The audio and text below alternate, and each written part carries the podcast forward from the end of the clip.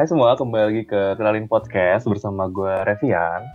Nah, kalau kalian penasaran kenapa kok akhir-akhir ini background visualnya orang-orang semua, itu karena Kenalin sedang ikut serta dalam kampanye 16 hari anti kekerasan terhadap perempuan.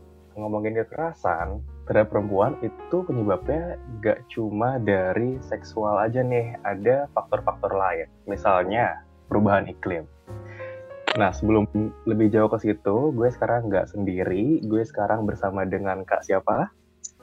Halo semua, terima kasih sudah mengundang saya uh, untuk berbincang-bincang di kesempatan kali ini. Nama saya Naila. Uh, saya adalah uh, seorang pekerja uh, konservasi yang uh, fokus di uh, program konservasi hutan dan satwa liar di Sumatera. Beda kak, apa nih kesibukannya sekarang? Aku lagi masih di pergerakan, masih uh, campaign terutama kompe, uh, campaign ngedesain kem, digital campaign bakalan kita uh, untuk Sumatera Utara, kelas Sumatera Utara, Pulau Sumatera, kita akan bikin satu platform yang berhubungan dengan ini seruan untuk menolak omnibus kan. Uh, jadi aku hmm. salah satu kayak uh, motor penggerak dalam pergerakan di Sumatera itu. Terus juga aku ada kegiatan proyekku pribadi yaitu pendampingan terhadap uh, dengan perempuan-perempuan desa yang tinggal di sekitar hutan. Jadi untuk proyek pribadiku tersebut, aku berkolaborasi dengan perempuan setempat untuk uh, bikin sebuah produk bersama yang tujuannya untuk meningkatkan uh, apa ya uh, tidak hanya kemampuan dari perempuan uh, desa tapi juga uh, ini ya meningkatkan kemampuan ekonomi mereka uh, ekonomi mereka juga. Karena uh, produk yang kita ciptakan itu punya nilai jual gitu loh. Jadi itu side project aku. Terus juga aku kerja di uh, Orang Hutan Information Center sebagai ini uh, communications officer. Aku juga relawan uh, untuk uh, perlindungan anak-anak dan Sungai Deli. Jadi ya sedikit sibuk lah ya. Sedikit ya.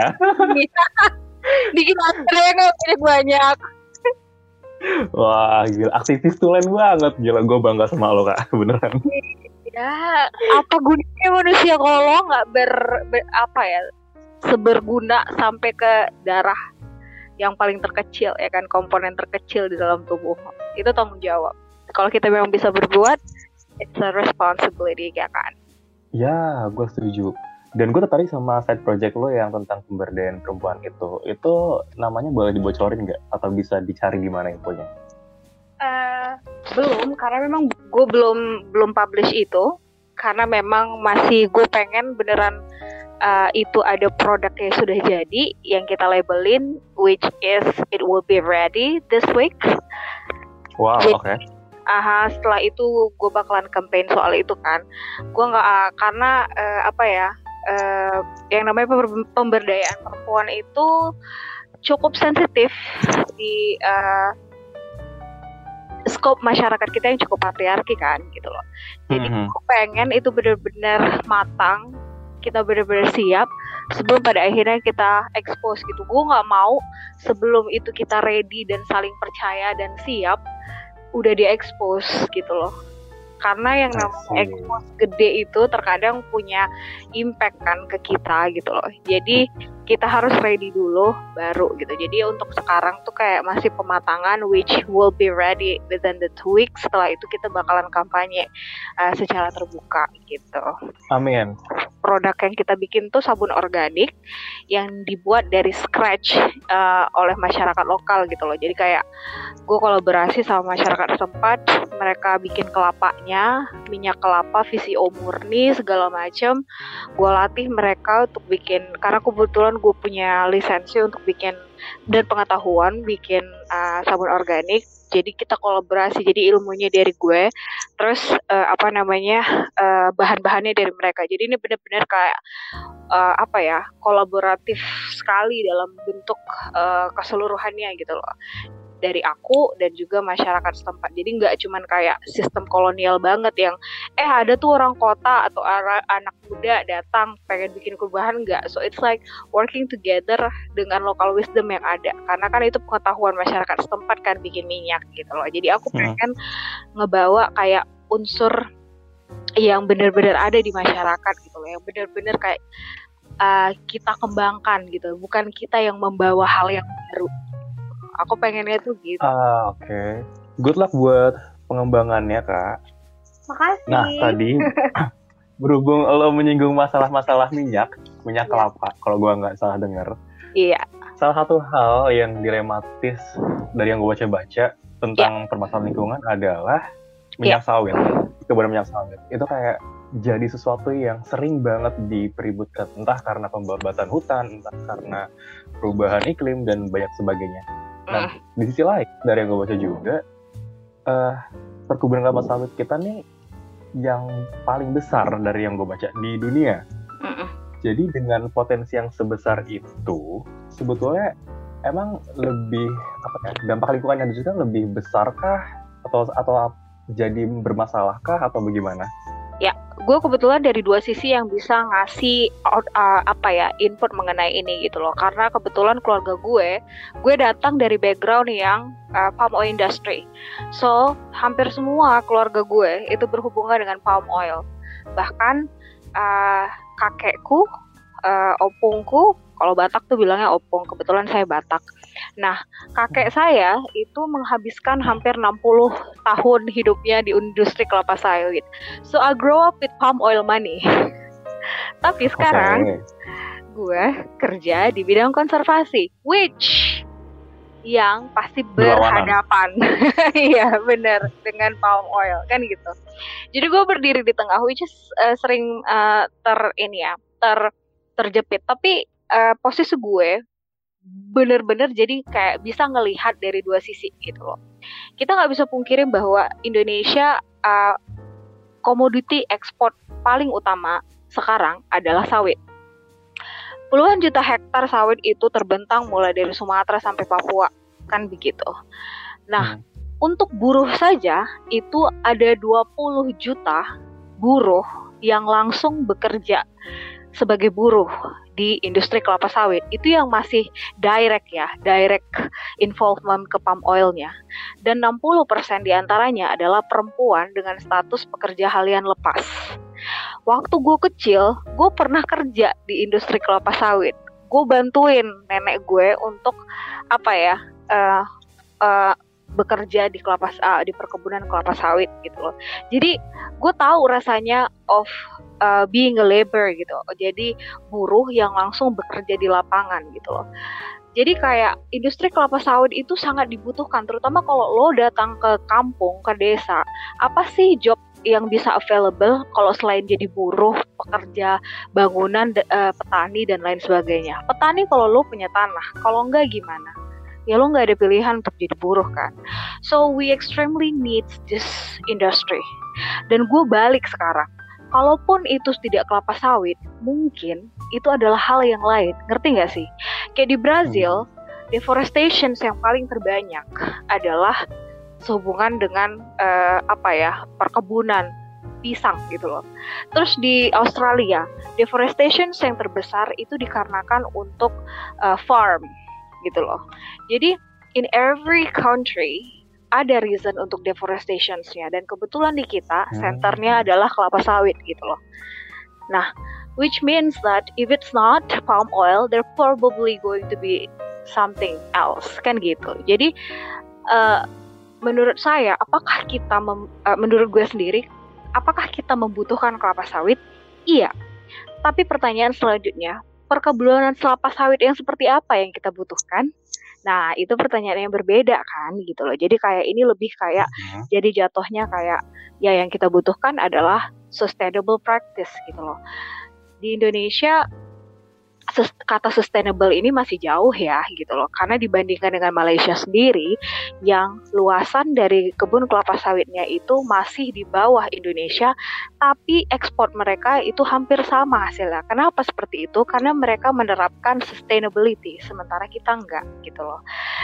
Kita itu masih dalam kerangka berpikir bahwa punya sawit sebanyak-banyaknya, seluas-luasnya, terus lo dapat hasil yang banyak. Jadi kalau lo punya sedikit hmm. nilainya nggak banyak gitu, karena memang harga jual kelapa sawit itu kita nggak bisa bohongi bahwa ada kartel yang bermain di situ, dikontrol gitu loh. Jadi orang masih berpikir bahwa sebanyak-banyaknya tanah untuk tanam sawit di situ kesempatan lo untuk lebih banyak dapat duit gitu loh. Jadi kayak praktek dari industri kelapa sawit di Indonesia itu yang uh, yang sangat bermasalah. Mulai dari tanggung jawabnya terhadap lingkungan sampai ke tanggung jawabnya terhadap pekerjanya sendiri, terhadap buruh gitu loh. Kayak misalnya terhadap perempuan itu sendiri sama sekali nggak ada jaminan kan gitu loh kayak uh, buruh perempuan itu 60% ya. Nah, mereka itu harian lepas gitu loh dan mereka itu dibayar di bawah rata-rata di bawah UMR gitu loh. Satu hari itu mereka cuma dibayar kayak 50 ribuan dan mungkin kurang dari situ gitu loh dan uh, tanggung jawab mereka itu besar sekali yaitu kayak mereka harus kayak uh, apa namanya me menyebarkan pupuk, nyebarin pestisida di mana peralatan yang mereka pakai ya harus mereka beli sendiri gitu loh. Kayak misalnya untuk nyemprot pestisida itu kan ada alat semprotannya. Itu mereka bayar sendiri. Perusahaan menyediakan bayar tapi sendiri. mereka harus bayar. Iya, mereka beli sendiri gitu loh. Terus kayak mereka tidak disediakan masker, so they breathe it in. Jadi mereka hirup tuh pupuk kimia, pestisida kimia yang mereka sebarin di pohon itu. Jadi kayak sama sekali tidak ada uh, apa ya jaminan kes, uh, perlindungan terhadap uh, pekerja itu sendiri sama sekali nggak ada. Kelapa sawit itu luas banget. Banyak dari mereka yang nggak punya kendaraan apakah mereka diantarkan punya fasilitas antar jemput enggak mereka harus jalan kaki ke tempatnya gitu jadi kayak ini beneran kayak I would say perbudakan gitu loh. Tapi apa ya masyarakat juga butuh itu. Kalau enggak gimana rata-rata sih pekerja perempuan itu sebenarnya adalah istri dari uh, pekerja uh, pria yang di perkebunan itu sendiri gitu. Karena memang sangat kurang akhirnya mereka menjadi punya dua ini kan dua pilihan. Apakah mereka harus jadi ibu rumah tangga dan mengurus domestik saja atau ikut membantu perekonomian keluarga. Dan banyaknya mereka membantu karena kan rata-rata Indonesia mereka punya tiga anak gaji rata-rata buruh laki-laki kelapa sawit itu sekitar satu juta tiga ratus sampai satu juta lima ratus. Lo bayangin seberapa duit itu kalau untuk membiayai misalnya lima orang dari keluarga di mana tiga orang anaknya bersekolah. It's nothing, right? So they need hmm. additional income gitu loh. Makanya perempuannya pada bekerja dengan resiko yang sangat tinggi gitu. Wah, Oke, berarti dengan minimnya perlindungan kesehatan dan lain sebagainya, menurut lo apakah keberadaan kebun kelapa sawit ini emang memberikan benefit ekonomi ke let's say masyarakat ekonomi ke bawah atau enggak? Ya itu dia yang agak tricky. Maksud gue gini, untuk ngebilang bahwa bangsa kita nggak butuh industri kelapa sawit, I would say that would be very naive gitu. Naif banget bilang kayak gitu gitu. Karena kita butuh. Kalau kita ke kampung, gini deh, pekerjaan apa sih yang bisa menyediakan lo uh, rumah walaupun tidak layak, mungkin tidak selayak yang lain, tapi pekerjaan ini bisa kasih lo untuk gak harus uh, ini uh, nyewa rumah mengeluarkan biaya untuk biaya sewa rumah jarang kan. Nah, karena biasanya perkebunan kelapa sawit ini in the middle of nowhere, jadi mereka sediakan tuh uh, perumahan untuk pekerjanya. Walaupun mungkin seadanya lah kan gitu. Jadi mereka nggak harus ngeluarin duit tuh untuk itu. Walaupun itu in the middle of nowhere, nggak ada listrik gitu loh, nggak ada listrik. Hmm.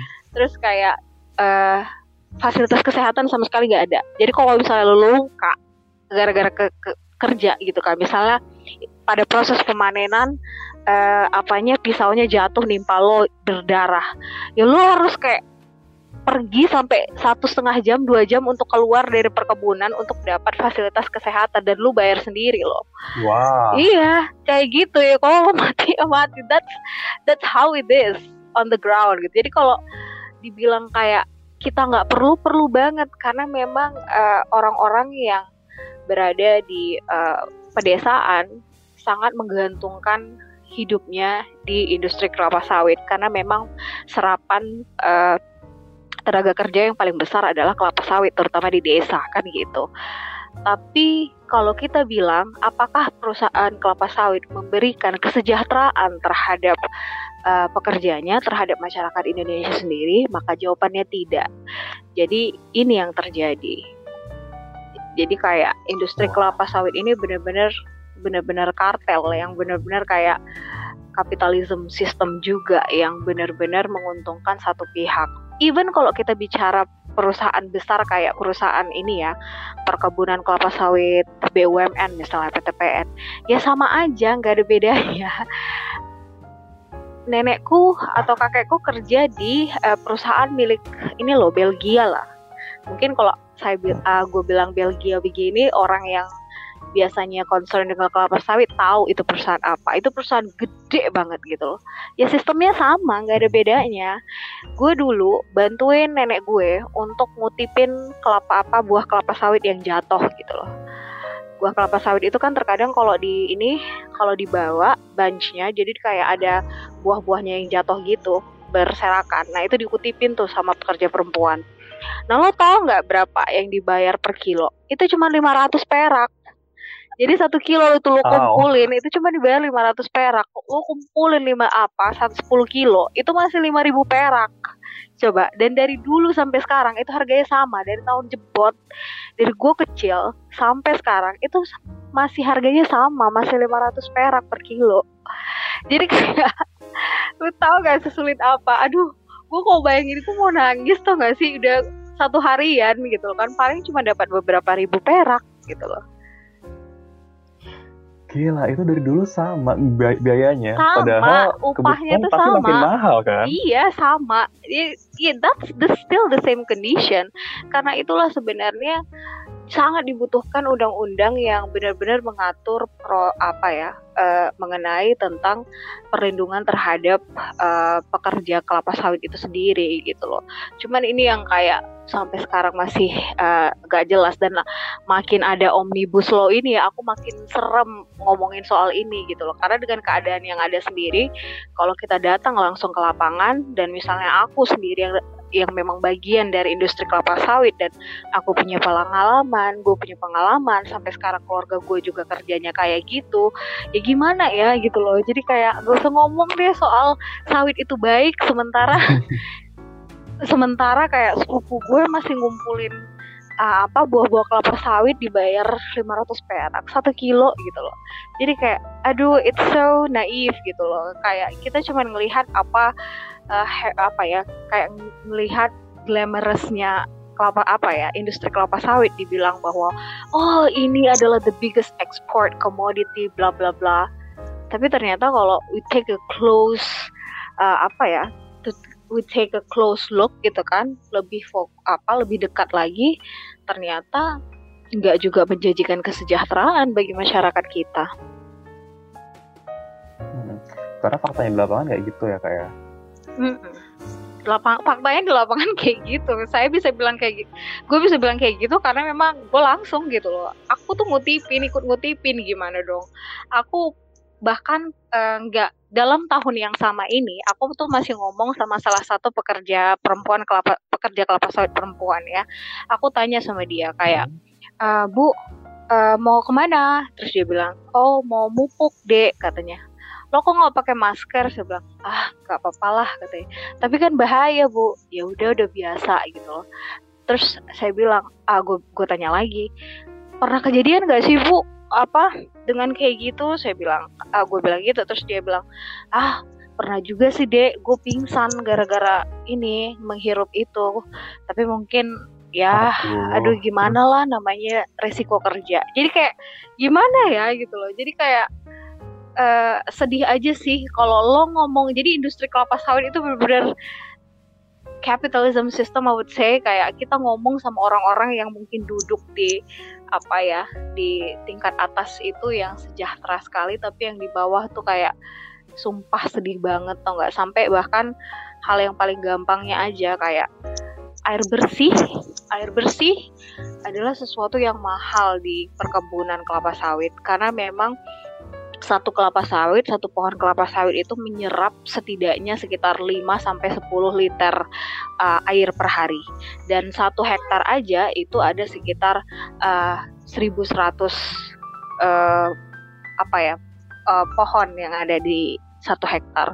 Jadi lo bayangin berapa banyak air yang diserap oleh uh, kelapa sawit uh, satu hektar per harinya banyak banget kan dan itu memberikan impact terhadap uh, lingkungan sekitar.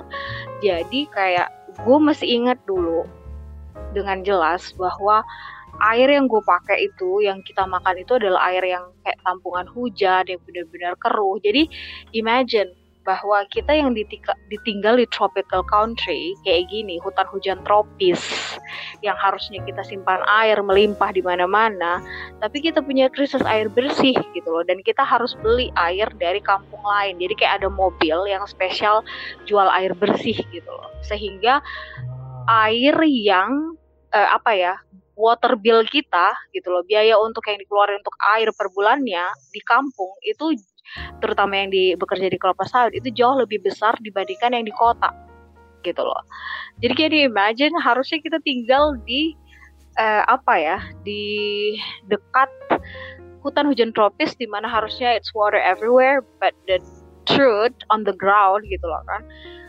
orang-orang ini bahkan kesulitan untuk mendapatkan air bersih gitu. Wah, apa persawahan, mata air, e, sungai itu kering. Jadi se separah itu e, wujud nyatanya. Lo tanya dia sama semua orang yang tinggal di dekat perkebunan kelapa sawit, permasalahan yang paling dasar itu, terutama berhubungan dengan lingkungan, yang paling dasar adalah krisis air pasti, krisis air bersih.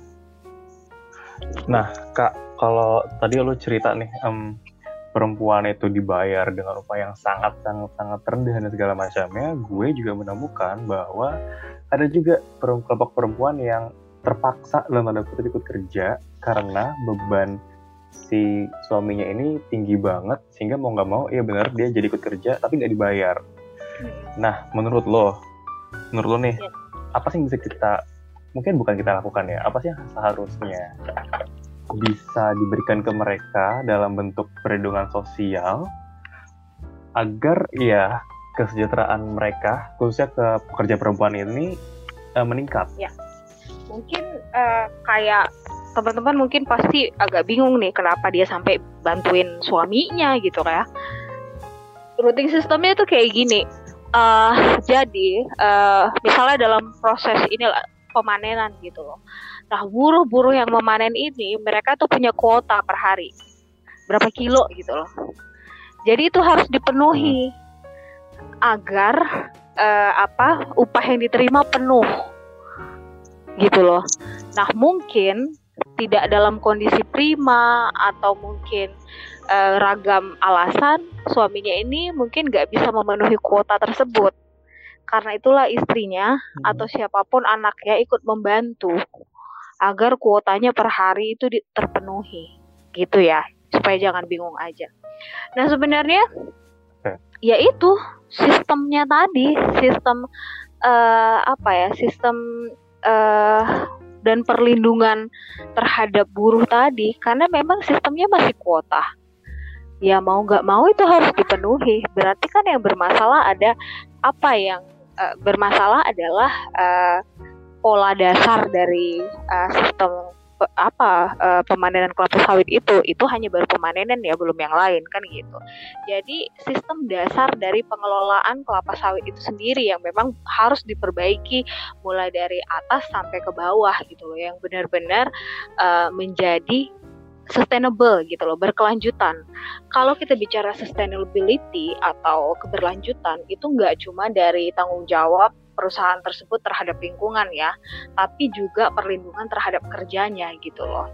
Tapi permasalahannya uh, di Indonesia sendiri, walaupun kita punya RSPO yaitu Roundtable Sustain, uh, Roundtable Sustainable of Palm Oil, yaitu semacam kayak organisasi nirlaba yang tujuannya untuk mewujudkan uh, praktek industri kelapa sawit yang berkelanjutan di Indonesia dengan wujud sertifikasi gitu ya. Nah, RSPO ini se sebenarnya itu kayak sudah uh, punya beberapa kebijakan yang berpihak ter terhadap perlindungan gender dan perlindungan kerja gitu loh. Tapi permasalahannya undang-undang di Indonesia yang sehubungan dengan ini belum jelas gitu loh. Oh, Jadi okay. uh, ibarat walaupun RSPO punya inisiatif gitu loh kan, tapi karena di Indonesia belum jelas undang-undangnya, sehingga ini nggak sinkron jadinya gitu loh. Karena itulah sebenarnya kalau selama ini kan eh, undang-undang yang dipakai itu masih undang-undang uh, nomor 39 uh, eh, tahun 19 apa 99 tahun 1999 tentang hak asasi manusia. Tapi tidak ada benar-benar disinggung mengenai uh, kelapa sawit gitu loh. Jadi itu masih kayak umumnya tenaga kerja aja jadi undang-undang uh, perlindungan tenaga kerja di Indonesia memang masih punya banyak kontroversi gitu loh. Jadi belum sinkron nih antara uh, eh, RSPO dengan inisiatifnya mengenai gender based dan lain sebagainya dengan undang-undang yang kita punya di Indonesia. Jadi ini yang harus disinkronin gitu loh. Jadi alangkah baiknya jika memang uh, keberpihakan pemerintah terhadap buruh dalam uh, praktek kelapa sawit itu memang benar-benar ada, ini benar-benar dibicarakan uh, dan dibahas secara serius sehingga jadi lebih spesifik gitu loh. Jadi kembali lagi ini kita bicara sistem dan memang kan negara kita ini kan konstitusi jadi mengikat oleh undang-undang diikat oleh undang-undang oke itu kan dari sisi undang-undang. Mm-hmm. nah sekarang bayangkan misalnya lo lagi you know, ngobrol sama pemilik perkebunan atau perusahaan kelapa sawit misalnya. Kira-kira apa sih yang lo pengen sampaikan ke mereka supaya mereka lebih memperhatikan nih kesejahteraan buruhnya terutama buruh perempuannya? Gue pengen bilang sama mereka adalah untuk mendekonstruksi pikirannya ya. Pemikiran uh, bahwa bisnis itu dengan uh, sistem kapitalis itu udah old fashion. Sistem yang di demand of the world sekarang adalah yang sustainable. Jadi seharusnya sudah saatnya semua industri kelapa sawit, perusahaan kelapa sawit mengganti metode mereka dengan menjadi metode yang berlanjut gitu loh. Sustainable dengan memperhatikan buruh, memperhatikan uh, nilai-nilai uh, konservasi, kayak misalnya sudah saatnya mereka menyediakan uh, apa ya conservative high conservative values, jadi kayak praktek kelapa sawit yang juga mempertimbangkan nilai-nilai konservasi gitu loh, itu harus ada. Jadi kayak sudah saatnya uh, kita merubah praktek yang selama ini tidak berpihak dan hanya menguntungkan beberapa orang untuk menjadi lebih bertanggung jawab gitu loh karena uh, pada akhirnya apa ya industri kelapa sawit ini sudah saatnya untuk jadi jawaban yang menguntungkan semua bukan hanya satu pihak. Jadi kayak sudah saatnya semuanya kita berubah mengganti uh, ideologi dari uh, prakteknya menjadi lebih keberlanjutan seperti yang ada di negara-negara lain, contohnya Malaysia gitu loh. Iya, gue setuju karena memang walaupun sedilema pun itu, ya benar kita juga masih butuh, tapi tentunya sistemnya juga harus uh, adil dan berkelanjutan seperti yang kak bilang dan didukung juga dengan peraturan-peraturan yang jelas iya. dan juga memihak kepada sesama Iya benar. Jadi uh, apa ya praktek kelapa sawit itu memang terbukti pada akhirnya bisa membawa uh, kehidupan bagi banyak orang menjadi lebih baik bukan hanya segelintir orang kan seperti itu dia. Karena memang kalau kita bicara pengelolaan perusahaan kelapa sawit ini dilematik sekali ya. Karena kalau kita bicara BUMN sendiri, PTPN sudah banyak dari sahamnya yang terjual karena sudah terbukti bahwa banyaknya praktek korupsi sehingga uh, apa ya uh, kepemilikan atau uh, pengelolaan perusahaan itu jadi corat marit gara-gara banyaknya orang yang nggak bertanggung jawab. Nah itu baru BUMN gitu loh. Gimana dengan perusahaan yang biasanya memang kayak prinsipnya modalnya paling dikit aja untungnya gue yang paling banyak kan gitu. Pemilik modal yang paling banyak. diuntungkan kan seperti itu. Jadi kayak alangkah baiknya kita mulai uh, saling jaga kan gitu loh sebagai manusia. Udah old fashion deh kita bicara mengenai slavery segala macam gitu. Loh karena mau kita akui dan tidak kalau sistemnya masih sama apa bedanya kita dengan uh, sistem penjajahan zaman dulu sama-sama dikontrak kan sama-sama dibayar dengan jauh dari tingkat layak kelayakan kan apa bedanya gitu loh? Gue menarik sih bicaraannya. Kita udah bicara banyak hal dari peraturan segala macam eh, kesejahteraan pekerja perempuan. Nah sekarang ini akan menjadi pertanyaan terakhir gue. Ya.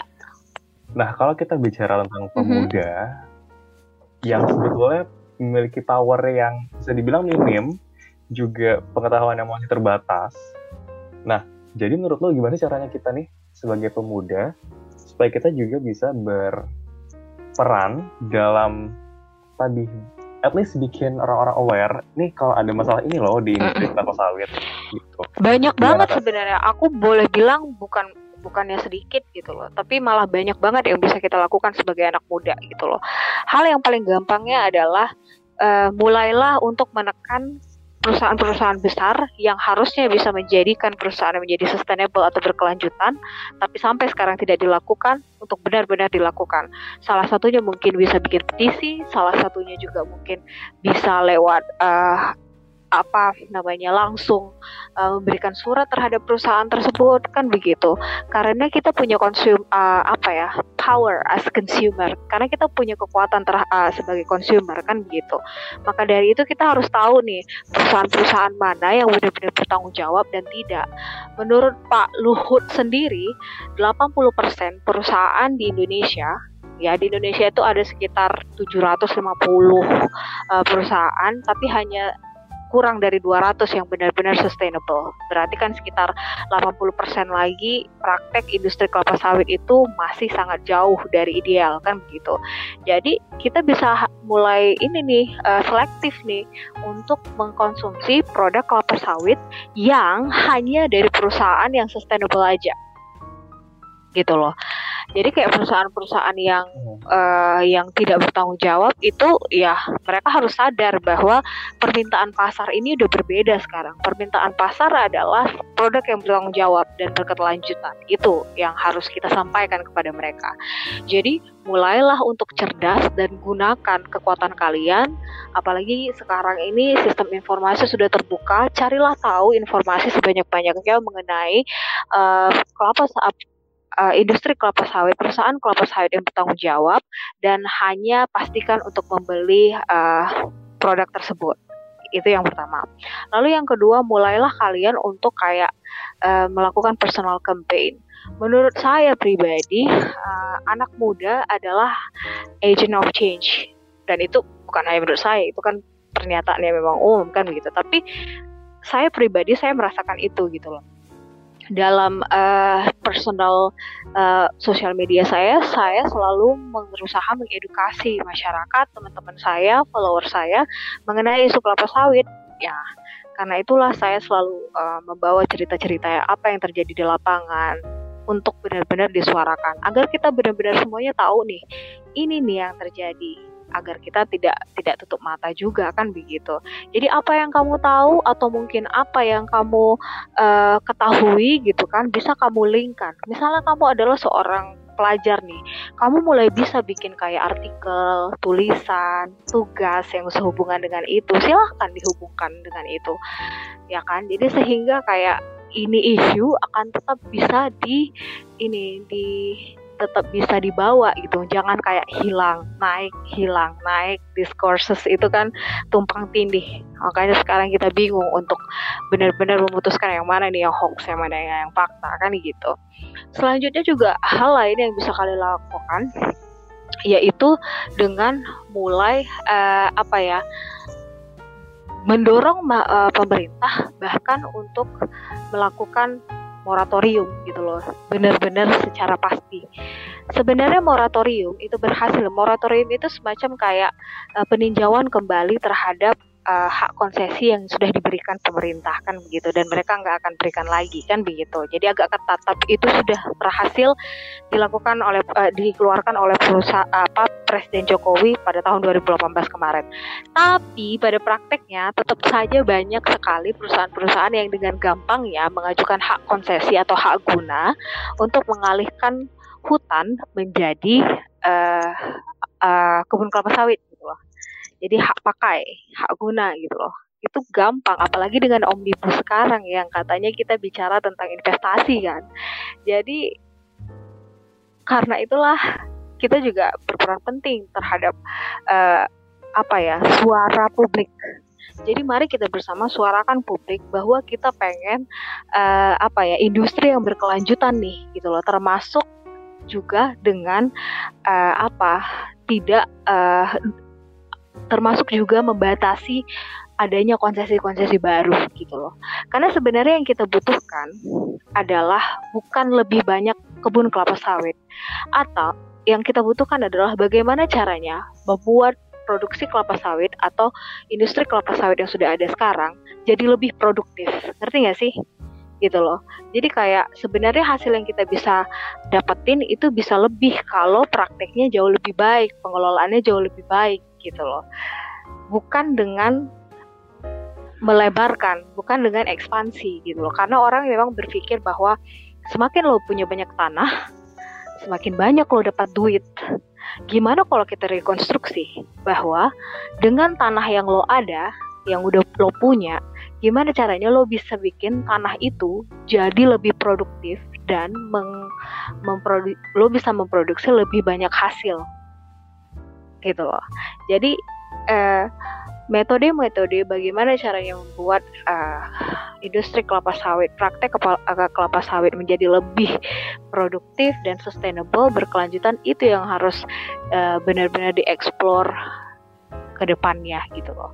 Jadi tanggung jawab kita bersama untuk benar-benar menyuarakan bahwa perubahan itu datang diinginkan oleh masyarakat uh, secara masif untuk kehidupan kita yang lebih baik sebagai uh, manusia yang bertanggung jawab gitu loh. Karena kan kalau kita bicara kelapa sawit, sebagaimana yang kita ketahui, kelapa sawit adalah uh, musuh terbesar dari uh, hutan gitu, keberadaan hutan kan begitu. Jadi uh, pembukaan hutan itu lebih banyak dikarenakan oleh adanya kepentingan pelebaran uh, kelapa sawit kan seperti itu. Jadi ini yang harus benar-benar kita suarakan bersama bahwa yang kita inginkan adalah benar-benar uh, industri kelapa sawit Indonesia yang lebih sustainable dan berpihak terhadap manusia dan juga planet bumi seperti itu.